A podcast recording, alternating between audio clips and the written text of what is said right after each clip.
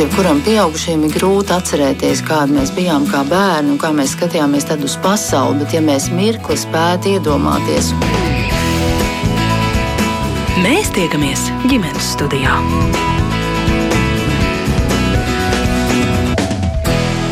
Labdien!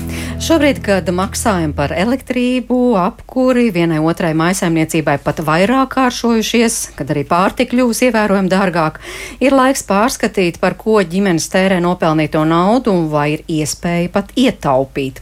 Tāpēc tūlīt saruna, kādas ir noderīgākās lietotnes un banku piedāvātie instrumenti vieglai budžeta pārskatīšanai un arī plānošanai.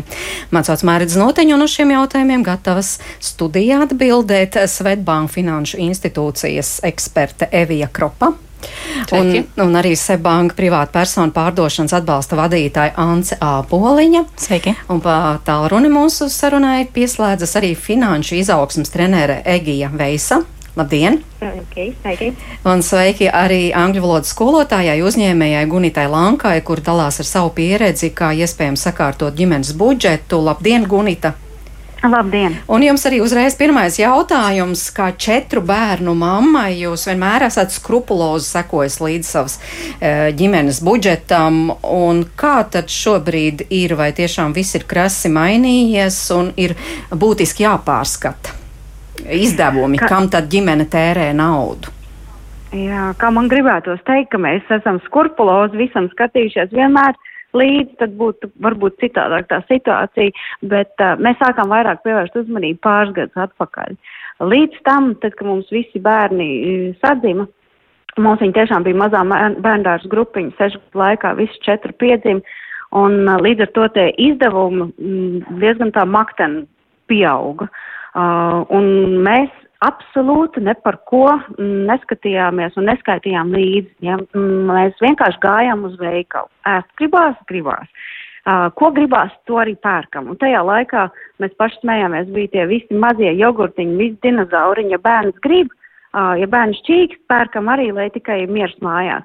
Un līdz ar to mums tas rēķins un, un, un tas maksājums pie kas bija tāds, nu, diezgan paliels. Un tā mēs arī dzīvojam, lai kauns atzīt, bet pēc būtības Mēs dzīvojam no algas līdz algai, tā kā lielākā daļa no cilvēkiem joprojām. Un tad notika pārmaiņas. Tā stāsta ārstarā versija bija tāda, ka mēs sākām vienkārši um, dzirdēt ar vien vairāk, vairāk, kad var arī dzīvot savādāk. Un uh, no viss tā, ko es dzirdēju, visvairāk man um, palika prātā, ka ir tāda lieta, ka mm, ģimenes budžeta plānošana tieši uz ēšanu. Nu, mums tas bija, protams, aktuāli, jo lielākā daļa no izdevumiem aiziet uz ēšanu un arī uz visādām higienas lietām. Un tam es pievērsu uzmanību. Un, uh, un tā, tā, vien, viens no ieteikumiem tajā laikā, lai pieņemsim kaut vai man domāšanu mainītos, bija tas, ka jāiet uz veikalu ar uh, iepirkumu sarakstu. Un es tajā brīdī es gan šņācu, gan smējos, man likās, kā es varu zināt, ja es saplānoju savu ēdienas reizi, ko es sestdien no rīta pamodīšos, ko es gribēju. Tā, tas bija mans pirmais arguments. Respektīvi, ja, ja es kaut ko negribu mainīt, tad es arī izdomāšu iemeslus, ka, kāpēc to negribu vispār darīt. Bet kaut kā vienā jaukā brīdī saņēmāmies, nu, uztaisījām to pirmo eksperimentu ar to iepirkumu sarakstu, šņācot pulkstot, aizgāju uz veikalu un domāju, nu, ko tad es tur nopirkšu, bet man bija ļoti liels pārsteigums, ka viena mēneša laikā, jūs to pēc tam turpinājāt, bet tādā ātrā versijā, viena mēneša laikā no vidēji 500-700 uh, naudiņām mēnesī uz ēšanu vien. Tajā mēnesī eksperimentālā kārtā es savilku galus un mums bija izdevums 160. Un tas bija vienīgais āķis manā lūpā, kā mammai, kā sievietei, kā jau, jaun, jaunai sievietei, jaunā ģimenē. Tas bija vienīgais, kad es domāju, hmm, tur kaut kam ir jābūt. Protams, tam visam ir jābūt uh, iemeslam, kāpēc, ja es kaut kam pasaku nē, tad uh, kam ir tas, kam es pasaku, jā, mēs uz to ēšanas ietaupīto uh, naudu sākām vairāk ceļot, sākām vairāk um, atļauties tās lietas, ko mēs teicām viens otram, ka īsti nav nauda, ja, nu, tā, ka, nu, tā kā nepietiek. Reku viņi bija. Nu, vismaz tāds ir mūsu stāsts īsā versijā, un, un uh, tāpēc, jā, pēdējos gadus uh, mēs uh, sekojam līdzi, ko mēs tērējam, kā mēs tērējam, bet nevis tāpēc, ka mēs esam skopi vai knapi vai trūcīgi, bet tieši tāpēc, ka mēs gribam daudzām citām lietām pateikt vairāk jā. Viens no tiem, uh, kur mēs esam naudu tērējuši, mēs visiem četriem bērniem savā laikā pāris gadus atpakaļ izbraukājām apkārt visai zemeslodei 80 dienās. Nu, tas bija tā vērts. Jā, bet nu šajā brīdī tomēr tas lēciens ir ievērojams. Jums taču arī ieraudzījāt savus rēķinus par elektrību, pa gāzi vēl. Vai jūs tas nenobiedēja? Jo jums jau tās finanses ir tik sakārtotas un viss tik pārskatāms, ka vienkārši jūs sapratāt, ah, nu tad tur varbūt paņemsim, tur ietaupīsim. Vai mūs tas nobiedēja? Ziniet, kā tagad nu, mēs arī esam divu vīru uzņēmēji, līdz ar to tā atbildība par finansēm, par darbiniekiem, par uh, izdevumiem, ienākumiem mums jau ir gadiem. Kaut kādā veidā tas treniņš ir izstrādājies, kad un, uh, nu, nevar vienkārši, kas iegribās to darīt, vai arī ir jāriskē citreiz ar tiem pašiem līdzekļiem, kas uz doto brīdi ir. To lietu mēs saprotam, to drēbu mēs saprotam, līdz ar to ģimenes uh, budžeta plānošanā. Mēs esam, nu, jau uz tām sliedēm uh, uzkāpuši un sākuši braukt, kad uh, mēs, piemēram, savā ģimenē uh, izēdam leduskapi pa tīro un tad labāk ejam uz veikalu. Uh, jā, tādā, tādā ziņā, pieņemsim, ko nozīmē rēķini, nu mēs skatāmies, ja ir trijās istabās atstātu gaismu, protams, ka mēs viņu izslēgsim ārā, bet vai mēs sēdēsim pie svecītēm? Nē, tā arī nē. Mēs vienkārši skatāmies, kur tā nauda negudri nodeg, jo katram, saka, katrai naudiņai var būt pilnīgi cits pielietojums. Un tieši tas pats var arī būt ar īres dzīvokļiem. Varbūt kādam klausītājiem ir tukšs dzīvoklis, kas stāv un vienkārši dedzina naudu. Tur ir kaut vai pamati, bet kaut kādi, nu, izdevumi. Tad labāk varbūt ieguldīt nedaudz un izdot viņu īrē, un tur sākās pavisam cita tā naudas aprit. Nu, no tāda viedokļa, jā, ir varbūt kaut kādi lielāki izdevumi, Um, bet tai pašā laikā nav jau pirmā diena, kad mēs sastopamies ar izaicinājumiem. Mm -hmm. nu, tā, tāda būtu tā atbilde. Jā, starp citu, kāda skolotāja šodien Twitter rakstīja, teikšu tā, ja, jo situācijas tiešām ir ļoti dažādas. Viņa rakstā, teikšu tā, ja skolēns piedzīvo panikas lēkmi un nespēja atlikt šo dienu doties uz mācību stundām, jo ļoti satrauc, ka vecāki nespēja samaksāt rēķinus jauno tarifu dēļ, kaut kas ļoti, ļoti nav kārtībā. Es citēju, ko jūs atbildētu kā finanšu eksperts, Evija?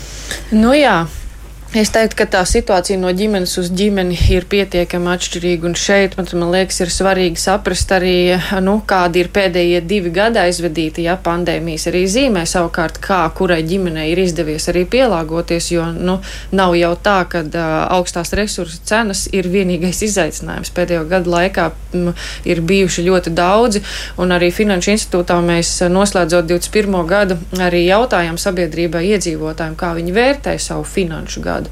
Nu, tad, protams, tur jau iezīmējas atšķirības. Viena daļa atbild, ka viņiem šis gads patiesībā bijis finanšu ziņā ar pozitīvu zīmi, ja, gandrīz katrs ceturtais atbild, katrs trešais saka, ka ar negatīvu zīmi.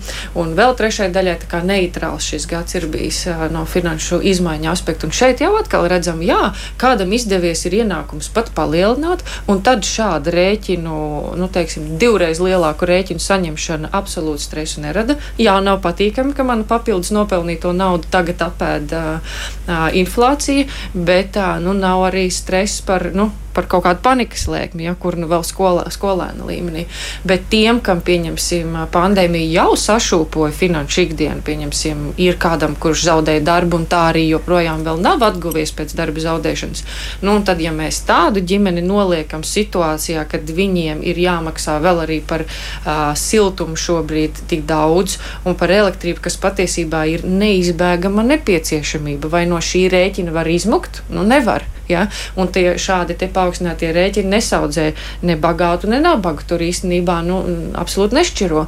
Un tāpēc uh, mēs jau, jau gada nogalē un, un uh, jau vēl iepriekš, jau, jau laicīgi sākām runāt par to, ka skaidrs, ka tādām ģimenēm, kurām kuras nedzīvo ļoti stingri uz nulles robežas. Ja? Šāds satricinājums, es teiktu, izaicinājums ir var pārorientēties, kaut ko pārplānot, salikt prioritātes citādāk nu, un izvilkt šo laiku ja? bez, bez liela stresa.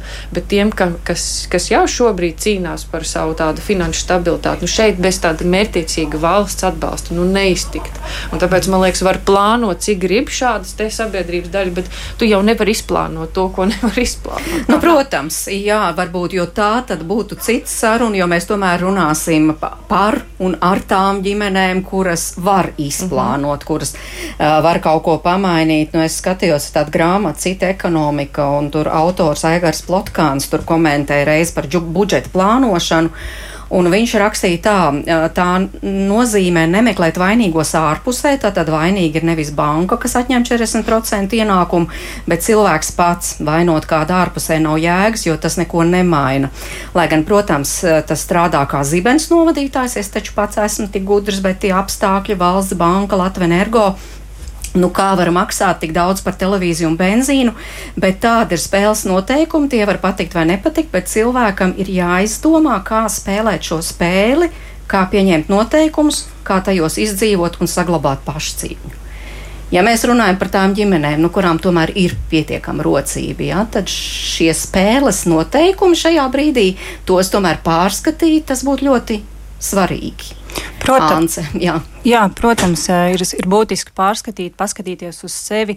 Bija ļoti patīkami dzirdēt, ka ģimene tik tiešām to ir darījusi vienā brīdī. Redzējusi, ka viņi ir diezgan daudz izdevusi līdzekļus par finansēm un diezgan iespaidīgi ietaupījumu ieguvusi tajā brīdī, kad viņi ir plānojusi. Un man liekas, ka arī tajā brīdī, kad tie spēles noteikumi varbūt mainās, tie ārējie, nu, mēs tur tiešām neko nevaram izdarīt. Un tas, ko tu vari darīt kā cilvēks, ir, nu, jāsaka, godīgi tās visas finanšu pamatā ir tas drošības pilvens, ka tu zini, ka tev ir, ja kaut kas ar tevi notiek, vai tas ir pēkšņs, uh, kas varbūt, godīgi sakot, šo rēķinu ziņā pat nav nemaz tik pēkšņs, jo mēs jau diezgan ilgi jau runājām par šiem kāpumiem, mēs zinājām, ka tas tā būs, un mēs diezgan droši varam arī rēķināties, ka tas tā arī turpināsies nākamā gada, lai, nu, šī gada laikā. Līdz ar to, ja ir tas izveidos tas drošības pilvens, tad vismaz tas ir, kas kaut kādā ziņā sedz ne tikai tos pēkšņos veļas mašīnas saplīšanu, bet arī tos tekošos rēķinus, lai tā ģimene var vismaz tikt līdz tai vasarai, var atkopties, kā saka, un tad arī aiziet tālāk, jau gatavoties to, to drošības spilvenu izveidot tālāk. Nu, kā izveidot drošības spilvenu? Nu, šajā gadījumā, tad, ja mēs runājam arī par šodienas tēmu, digitālie rīki, tad bankas ir arī tās, kas kaut vai Jo cilvēks saka, ir grūti ietaupīt. Uh, nav no kā, principā. Man nav no kā iekrāt tad uh, viens no tas, ko bankas tiešām ir arī izveidojuši, ir šis, šī digitālā krāja, kas ir tajā brīdī, kad tu norēķinies ar karti, tev tas tiek no, noapaļots līdz pilnam eiro, un tad kaut tas, tas mazumiņš ir tas, kas jau tev veido to drošības spilvenu. Un tas ir sākums. Varbūt pēc tam jau būs āķis lūpā, un cilvēks jau domās, labi, es varu atlikt vēl 5 eiro, vai pat izveidot to kā spēli, kalendārā atzīmēt šajā nedēļā 5 eiro, tajā 10. Protams, Tas ir pie nosacījuma, ja tik tiešām ģimene var atļauties šādus 5, 10 eiro atlikt. Bet jūs esat paskaitījuši bankā, piemēram, ja šādi, nu tiešām tas tagad ir diezgan populārs rīks, ko cilvēki izmanto, tātad, ko jūs jau minējāt, tur to atlikumu krāt, nu gadu laikā, cik tā var sakrāt? Es esmu skatījusies, ka personīgi es esmu diezgan labi iekrājusi. Diemžēl tā nauda kaut kur ir arī pašai pazudusi, bet, ja es to naudu nebūtu aiztikusi, tad jā, es zinu, ka tur var pat tas ir atkarīgs. Protams, cik daudz norēķinies ar to karti. Iespējams, ka cilvēki, kas ir izņem skaidru naudu, tad viņiem šāds uzkrājums neveidosies. Bet, nu, vidēji aptuveni sanāk, ir klienti, kuriem ir 20 eiro un uz augšu. Nu, tas tiešām atkarīgs no paša paradumiem, cik viņi tērēja.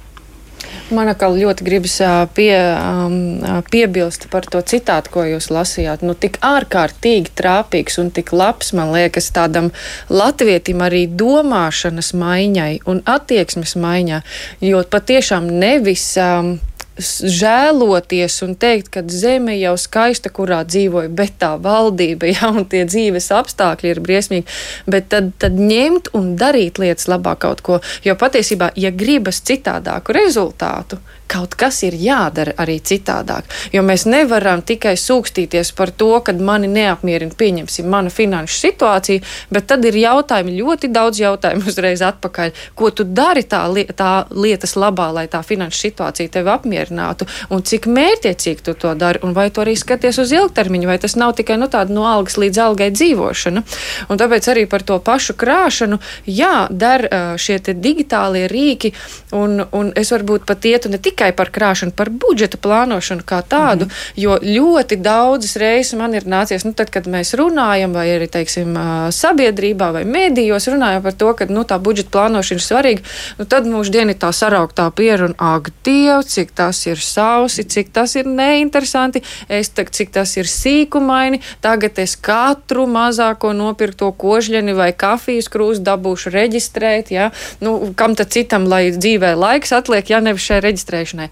Bet mēs dzīvojam 21. gadsimtā, un man liekas, ka mums ir burvīgas iespējas atstāt šo sīkumainību, šo uh, reģistrēšanu un saskaitīšanu tehnoloģiju ziņā. Uh, tāpēc arī ir, pieņemsim, Noteikti katrai bankai ir kaut kāds budžeta plānotājs. Jā, Svetbanka šajā gadījumā arī ir. Un tu vari smuki visur, kur tu norēķinies ar karti, tu pēc tam ļoti smuka pārskatu redz pa kategorijām, kurās tad tu patiesībā cik daudz esi iztērējis. Tās kategorijas tu vari pielāgot un, un uh, uh, sadalīt tā, kā tev, tavam budžetam tas ir ērtāk. Un pat, ja tu dodies ar skaidru naudu, arī, nu, pieņemsim, uz tirgu, jā, nu, šat, tad tāpat tu ar to karti visur neaizies.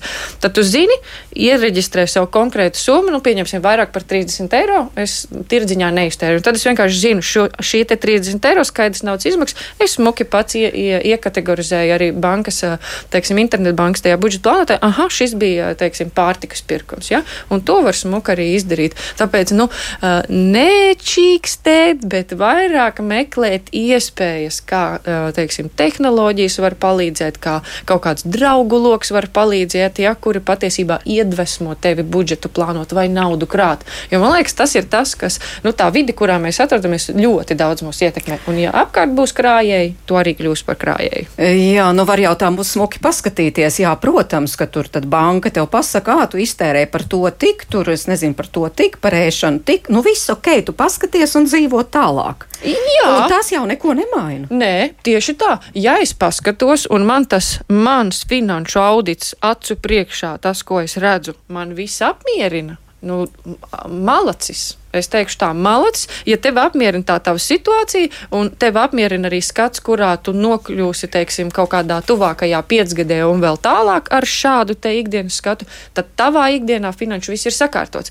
Bet tajā brīdī, ja tu jau sāc saprast, mm, pārtikā 600, 700, kaut ar četriem bērniem, ka tas ir par daudz, ka es šeit gribu kaut ko mainīt, nu tad sākas tā īstā budžeta plānošana. Tad, kad es gribu kaut ko darīt citādi. Es lasīju, es gan nezinu, vai tas joprojām aktuāli aktuāli, ka zelta likums, kas esot jāievēro, tad tērējam mazāk nekā nopelnām, un tad tā metodē vajadzētu būt tāda 50, 30, 20. Tas nozīmē ne vairāk kā 50% ienākumu novirz ģimenes ikdienas neatliekamām vajadzībām, 30% apģērbam, izklaidēji, dāvanām, bērnu kabatas naudai un tā tālāk, un tad 20%, nu tad tur 20% tas uzkrājums, tas drošības pilvēns. Mm, tas ne... tā trekni. Tas tā trekni, vai ne? Latvijas situācijā pilnīgi neatbilstoši. Nē, nu tas ir tāds zenīts, uz kuru skatīties, protams, bet nu, tas labais tonis patiešām tāds varētu būt, bet nu šeit ir vairāk, es teikšu, ļoti jāskatās, jo zemāk ienākumi, jo tie procenti sadalīsies pilnībā citādāk, ja?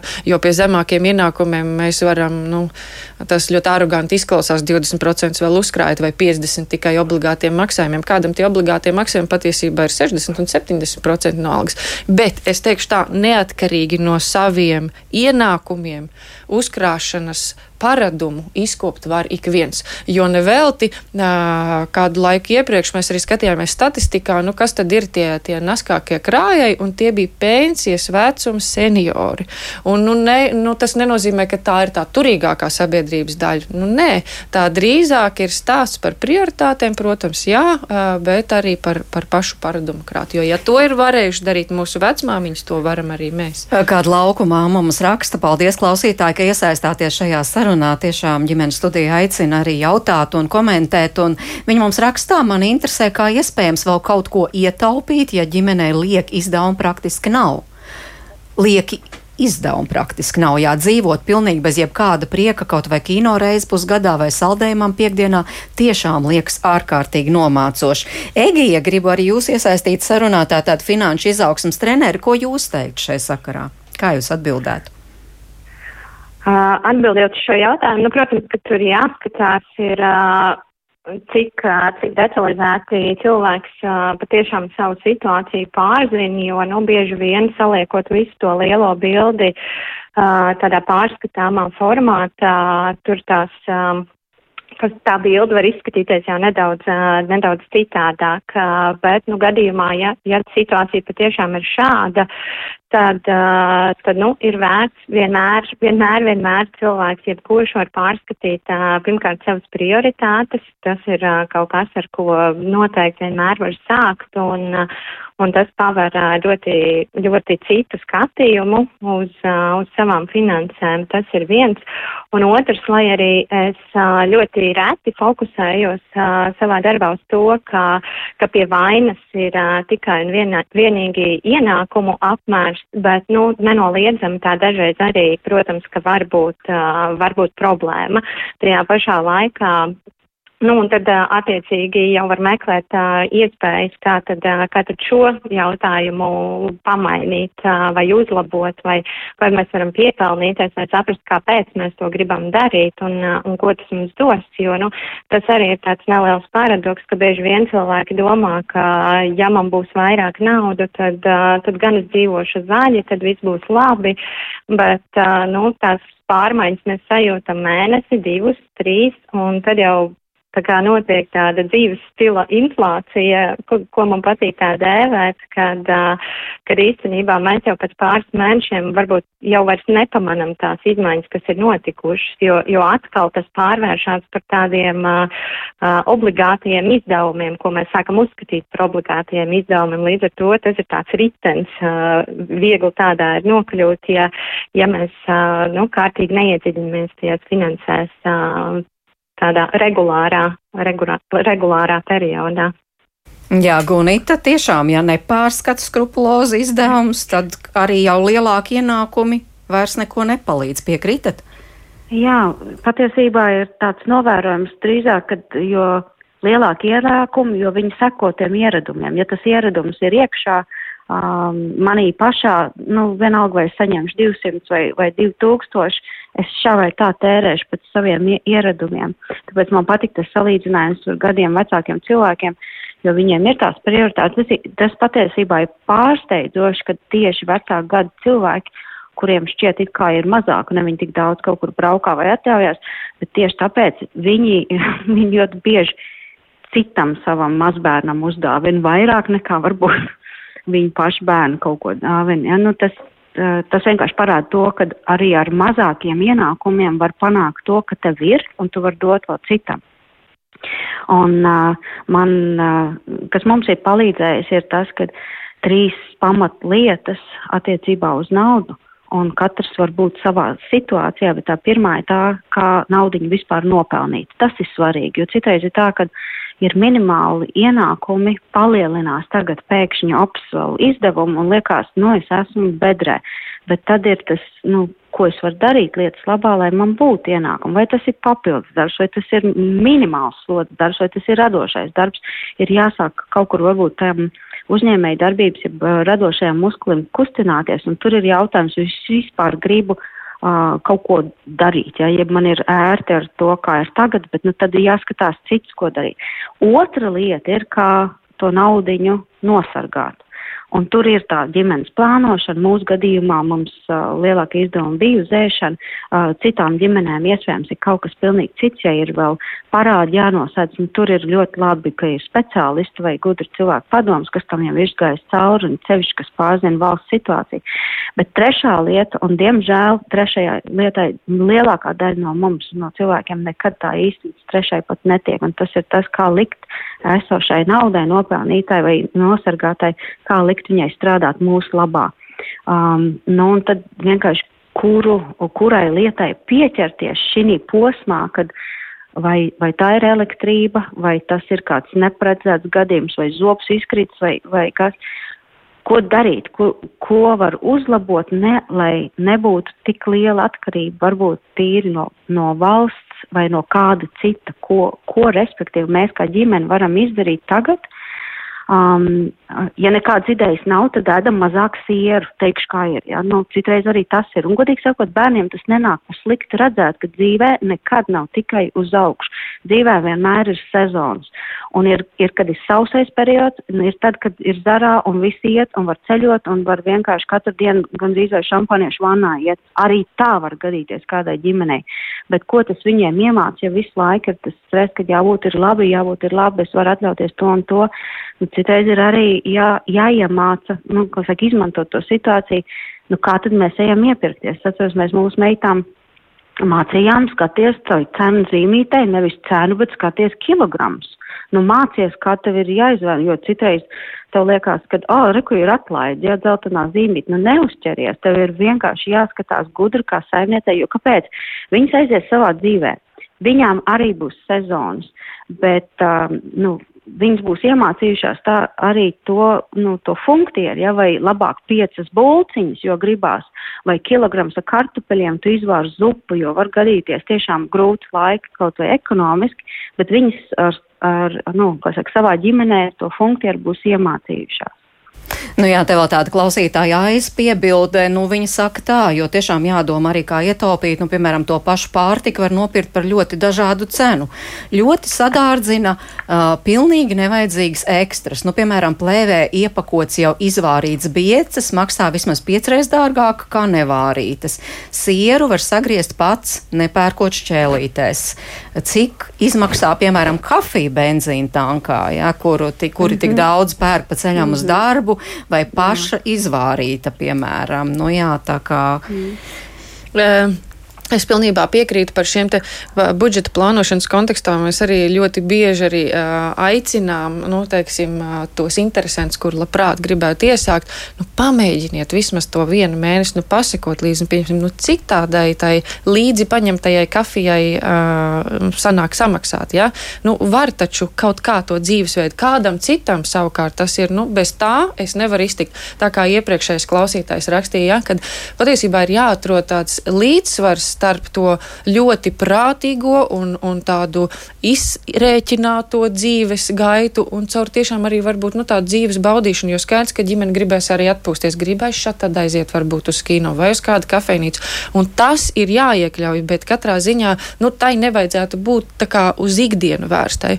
Un arī atbildot uz to jautājumu, ko darīt tad, kad viss jau ir it kā liekas nooptimizēts un vairāk taču jau vairs nav kur. Nu, tad gribi, negribi, jo tad rodas rodas tas piesātinājums. Es to salīdzinu ar tādu jostas savilkšanu. Ja? Tu jau vari jostu savilkt līdz zināmam brīdim, ne jau līdz bezgalībai. Ja?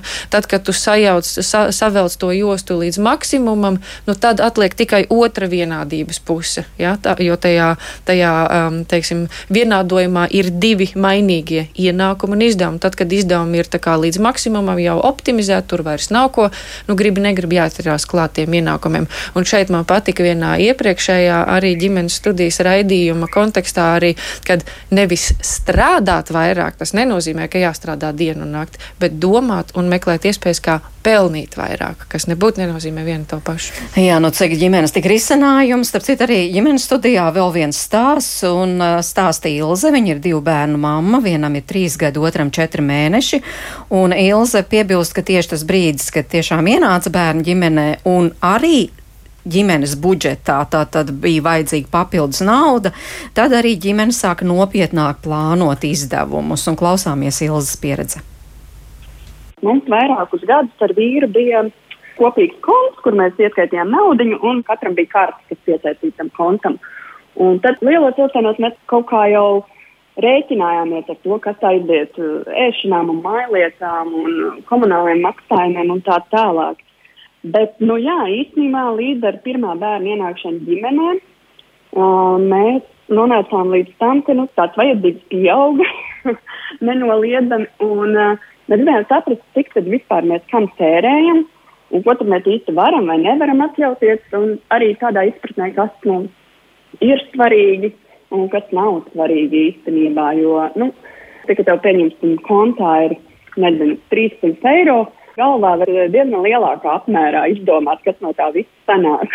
un, uh, un tad mēs sapratām, jā, ka pietrūkst kaut kāda rīka, kas varbūt ļautu pārskatīt tās finanses, kur mēs gribam, lai viņas aiziet. Tie ir tādi nepilni trīs gadi atpakaļ, kad mēs sākām lietotnes veidā jau to plānošanu. Mēs personīgi lietojam Vainap, uh, kas uh, atvesināts pilnajā nosaukumā Unīda Budget. Viņa ir uh, maksas aplikācija, bet mēs esam sapratuši, ka tā ir viena no retajām lietām, ko mēs lietojam kā maksas rīku, bet esam sapratuši, ka ir tā vērts priekš mums.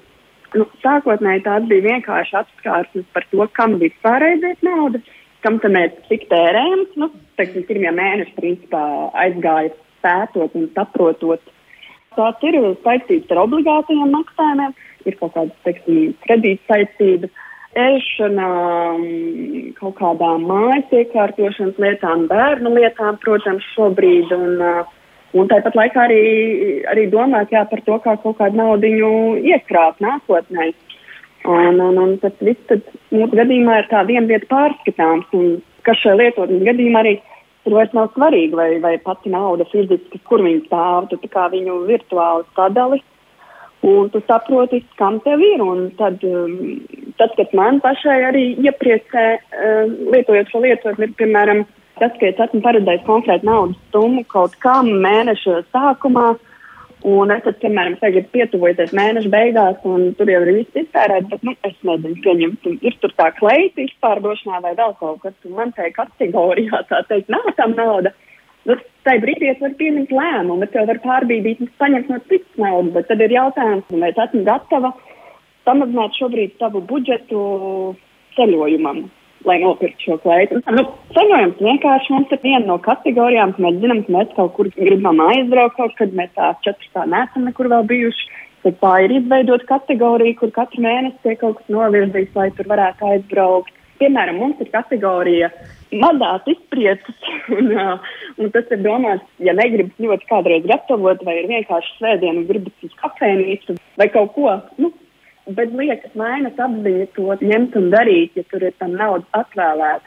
Mums ir um, kategorija auto sadaļa, ka uh, mums visiem taču jādod uz tehnisko apskati reizi gadā. Bet uh, agrāk tas bija tā, ka pēkšņi pienāk tas mēnesis, kurā ir jādod tehnisko apskati, un pēkšņi ir jāmaksā viss tā nauda, un, un tas kā ietekmē to mēnesi. Lai gan visu gadu ir zināms, ka būs tas mēnesis un būs tie izdevumi, tad šobrīd mums jau katru mēnesi tur aiziet kaut kāda neliela nauda kas ir paredzēta šai lietai, un tajā brīdī, kad pienāk uh, tehniskā apskate, tad uh, tas neietekmē mūsu pārējo dzīves kvalitāti. Tas neietekmē nekādā veidā pārējos izdevumus, ja tam ir paredzēta atsevišķa nauda. Nu, kaut kā tā mēs mm -hmm. cenšamies dzīvot. Es saku, nav tā, ka nav plusienu, tāpat ir kaut kāda neparedzēta izdevuma un tā tālāk, bet uh, cenšamies jā, par to tā domāt un saprast, uh, ka tādā gada griezumā, kad ir vajadzīgs, vai tiem pašiem Ziemassvētkiem, es jau šomēnes atlikšu nelielu naudu. Un uh, tajā brīdī, kad uh, novembrī, decembrī pērku dāvanas, nekādīgi neietekmē atkal manu to dzīves kvalitāti novembra, decembra izdevumos, nu, kas saistās ar manu ikdienu, jo man tam būtu paredzēta nauda.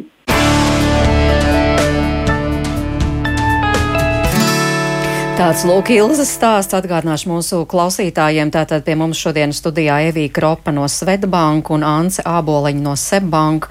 Pa tālruni arī runājam ar finanšu izaugsmas treneri Egiju Veisu un arī ar uzņēmēju Gunitu Lanku, četru bērnu mammu, kur aktīvi domā par finansēm, bet, nu, te mēs dzirdējām šajā brīdī sākt krāt Ziemassvētkiem. Nē, Kā tas izklausās? Tas izklausās varbūt īstenībā liekas, nu, tā gribas gribas varbūt iesmīnēt, bet visu cieņu šim te pieredzes stāstam, jo visu, ko es dzirdēju, man bija tāds ček, ček, ček, ka malači, jā, visur zaļie ķeksīši ievelku, jo pirmām kārtām tas, ka plāno, otrām kārtām atraduši savu uh, tehnoloģiju, kas to izdara, jā, vietāluņa aplikāciju, burvīgi, ja tā patīk vislabāk un tā ļauj savu situāciju apskatīt no malas ideāli. Es ļoti daudz īstenībā esmu dzirdējis par šo te jūnīda budžeta lietotni. Tā kā, ja kāds jūtās, kad ir tā šādas aplikācijas meklējumos, tad iesaku ap, apskatīt. Man pašai arī likās pietiekami progresīva. Nu, vienīgais tas tās, tās valodas barjeri, ja varbūt kādam ir. Un vēl kas ir burvīgi, budžeta plānošanas sakarā tieši, ja mēs runājam, tas nav stāsts par vienu mēnesi, tas ir stāsts vismaz par vienu gadu, un es pat teiktu tālākā horizontā vēl, jo mēs visi gribam arī priecīgas un pārtikušas vecumdienas, un es teiktu, ka ar vienu gadu nekas nebeidzas. Un visideālākais piemērs, ka tas ir kā, nu, kā, kā medus dvēselē dzirdēt, ja, kad uh, ir uh, konkrēts budžets izdalīts, un ģimene ļoti labi apzinās, ka auto apkope nenāk kā zibens no debesīm, ja mēs zinām konkrētu mēnesi pat, kad tā būs. Mēs patiesībā pat zinām diezgan daudz, cik cik konkrēti nodoklī būs jāsamaksā un par apskatu būs jāsamaksā. Un lieldienas, bērna palaišana skolā, Ziemassvētki, tie visi nav pārsteigumi vai satricinājumi budžetam vai neplānot izdevumi. Tie visi ir ļoti plānot izdevumi un tieši tā pret tiem arī būtu jātiecas. Egija, ko jūs piebilst kā finanšu izaugsmas trenere? Jūs arī tā liktu to, jā, piekrītu zaļais ķeksīts, labi, un tā vajadzētu darīt. Jā, noteikti man šis stāsts uh, arī ļoti, ļoti priecē patiesībā, jo nu, tas ir arī uh, līdzīgs princips, pēc kāda darbojos arī es. Uh, jo, nu, patiesībā viena no tādām lielākajām problēmām, jeb lielākajiem izaicinājumiem, kas cilvēkiem ir ar viņu finansēm, ir tieši spēja tikt galā ar šiem neregulāriem maksājumiem, kā bija minēts piemērā, tad šie auto izdevumi, Ziemassvētki un tā tālāk, jo, jo kā arī teica, tas patiešām tā ir, ka ir daudz lietas, kuras mēs it kā pieveram acis uz tām vai apzināti vai neapzināti tās, tās ignorējot, bet, nu, fakts fakts ir neizbēgams, ka tās lietas kaut kad notiks, un tas nu ir mūsu ziņā, tad vai mēs, mēs proaktīvi spējam darboties un rīkoties, vai tomēr nē.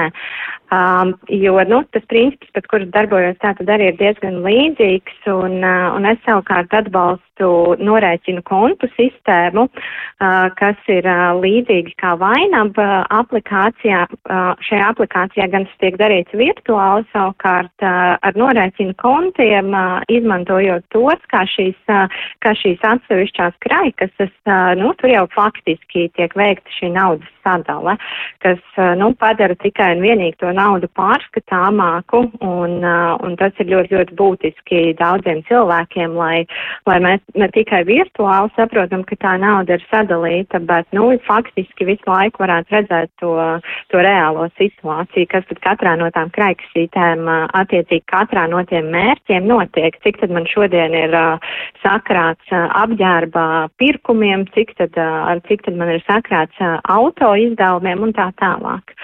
Tā kā tas noteikti ļoti, ļoti palīdz. Mm, bet mēs te, tā, mēs te tā ļoti racionāli runājam, bet nu, visas šīs lietas tomēr ir arī emocionālas. Un te jau arī Ilza savā stāstā pieminēja to skaisto kleitu, kura ir nocenota par pie, pie, piemēram 60%. Un vai tad var nenopirkt?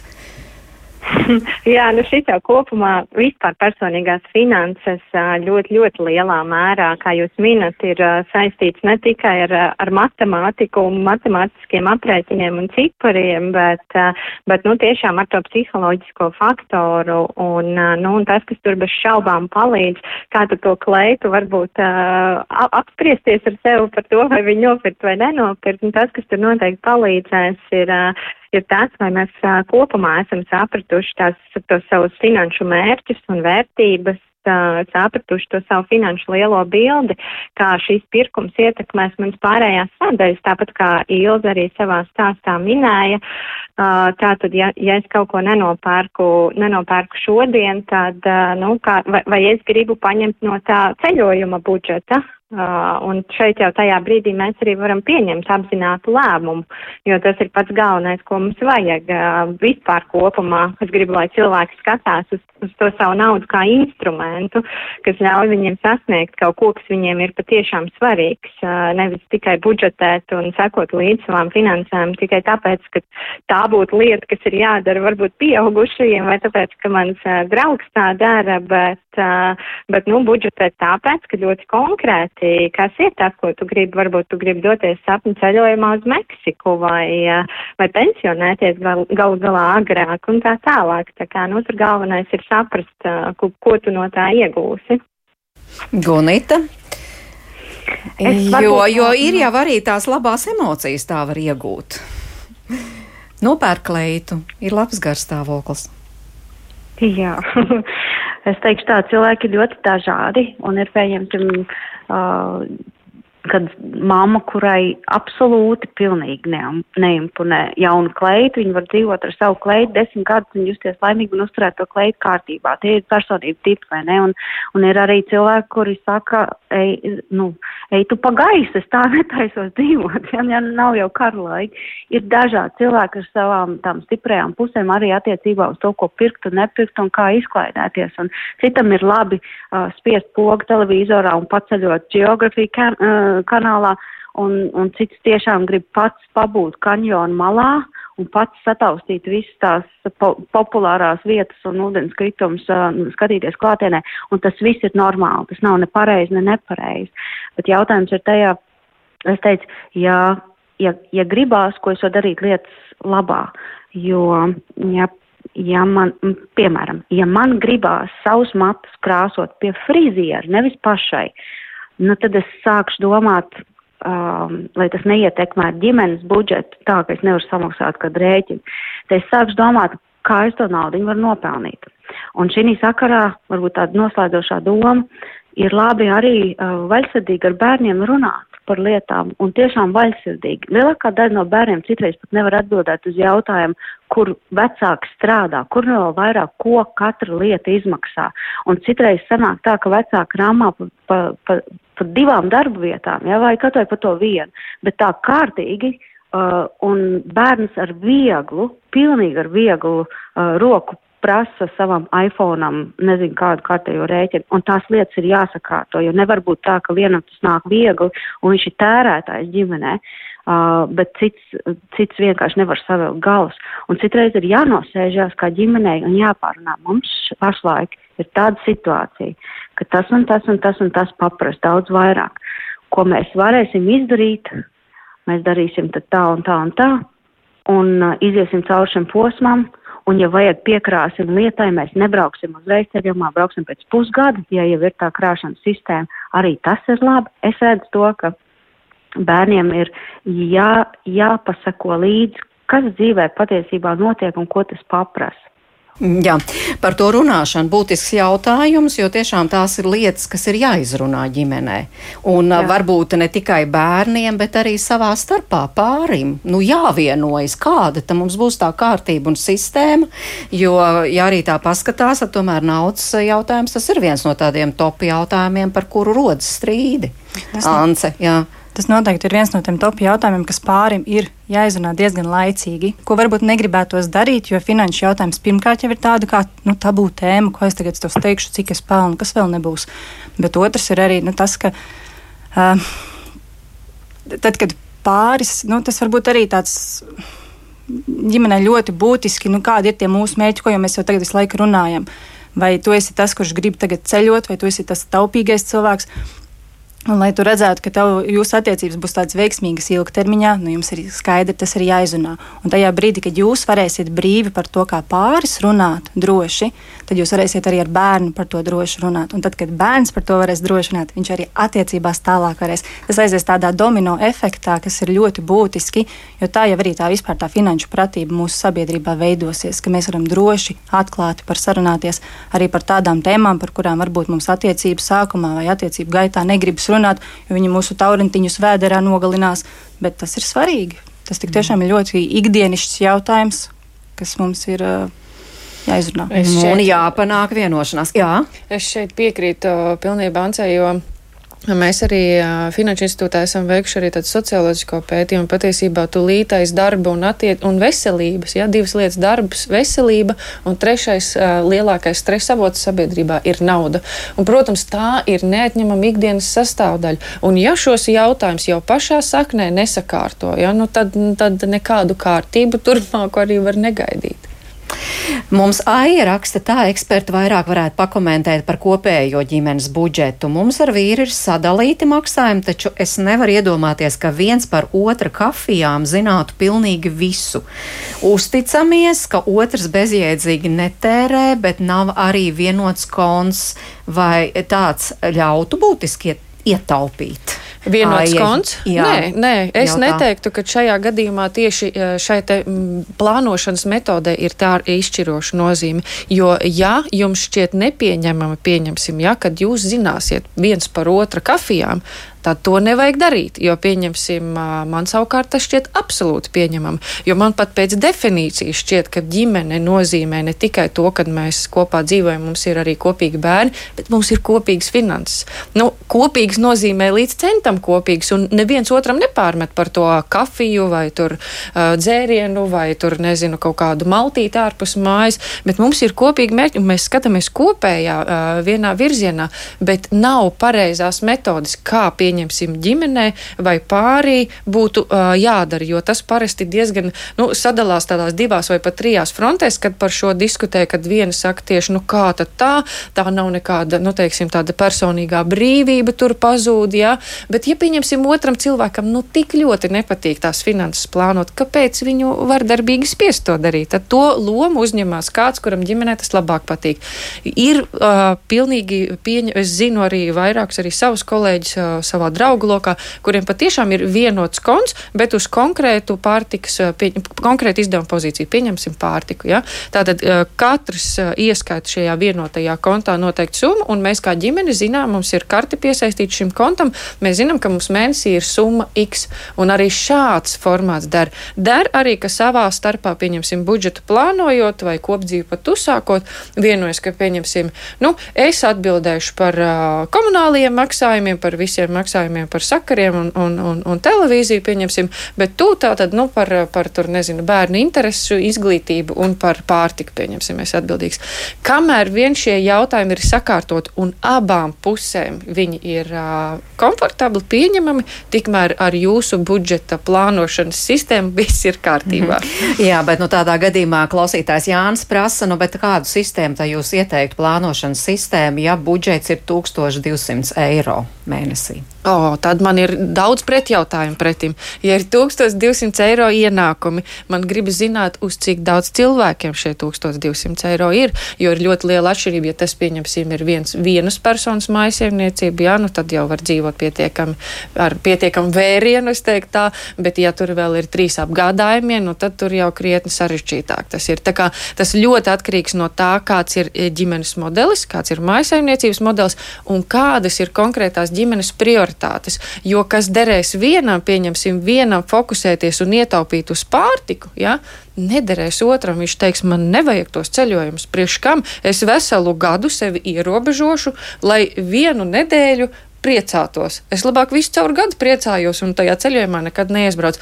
Tāpēc ir stāsts par prioritātēm, tad un uz to skatu savējos, to budžetu uztais auditu, paskaties, kā tas viss izskatās, patīk, nepatīk, gribu kaut ko citādi, gribu citādi izvirzu mērķi, un tad sastādu plānu, kā es šo mērķi jā, realizēšu. Un kas galvenais - rīkojos saskaņā ar šo plānu.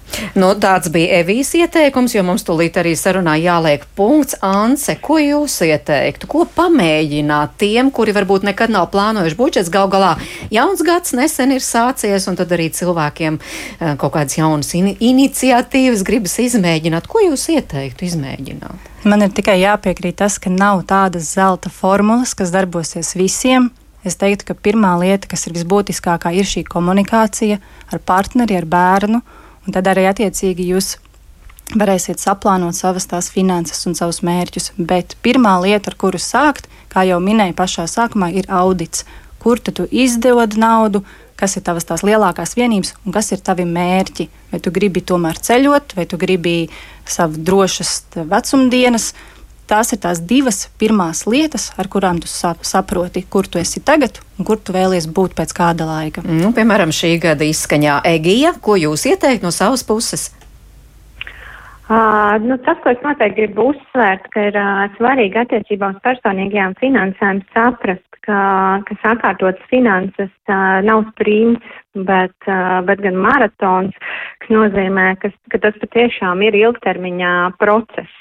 Līdz ar to uh, varbūt uh, saprast to, ka nevajag baidīties no tā, ka kaut kas neizdodas, ka kaut kāda sistēma nestrādā, jo ļoti bieži vien ir tā, ka cilvēks uh, izmēģina vienu sistēmu pasaka, nē, šis man nestrādā pēc diviem mēnešiem, un, uh, nu, un ar, ar šo arī noliek visu to personīgo finanšu pārvaldīšanu, nu, tad citā plauktiņā tālākā, un, un atkal uz kaut kādu laiku to, to ignorējam, varbūt līdz nākamajai ārkārtas situācijai, kur mums ir uh, nepieciešams steidzami līdzekļi.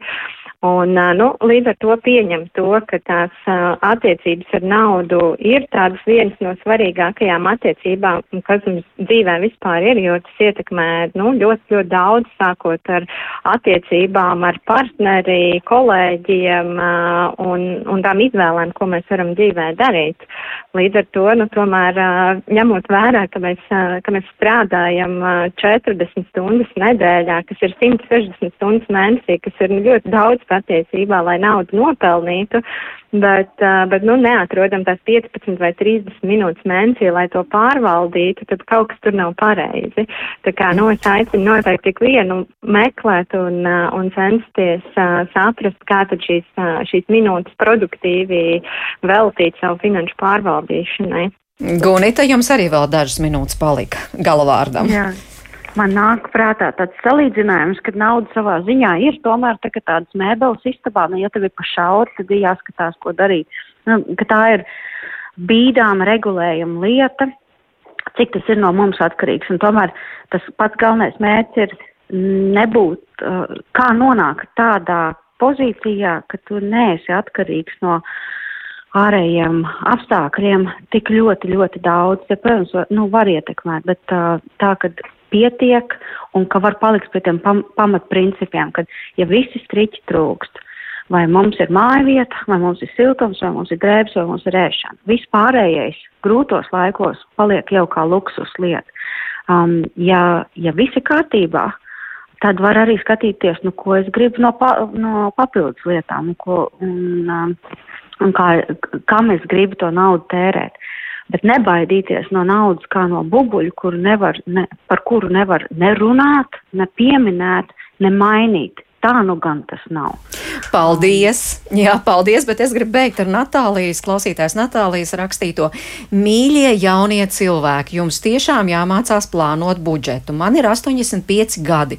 Jau no 1994. gada sāku plānot budžetu, no 2012. lietoju Excel, pensiju 360, vientuļā pensionāra kaut kā iztieku kaut gan pa nullēm.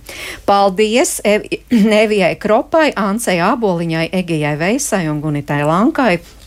Paldies jums, ka līdzdarbojāties raidījumu veidošanā. Tiekamies!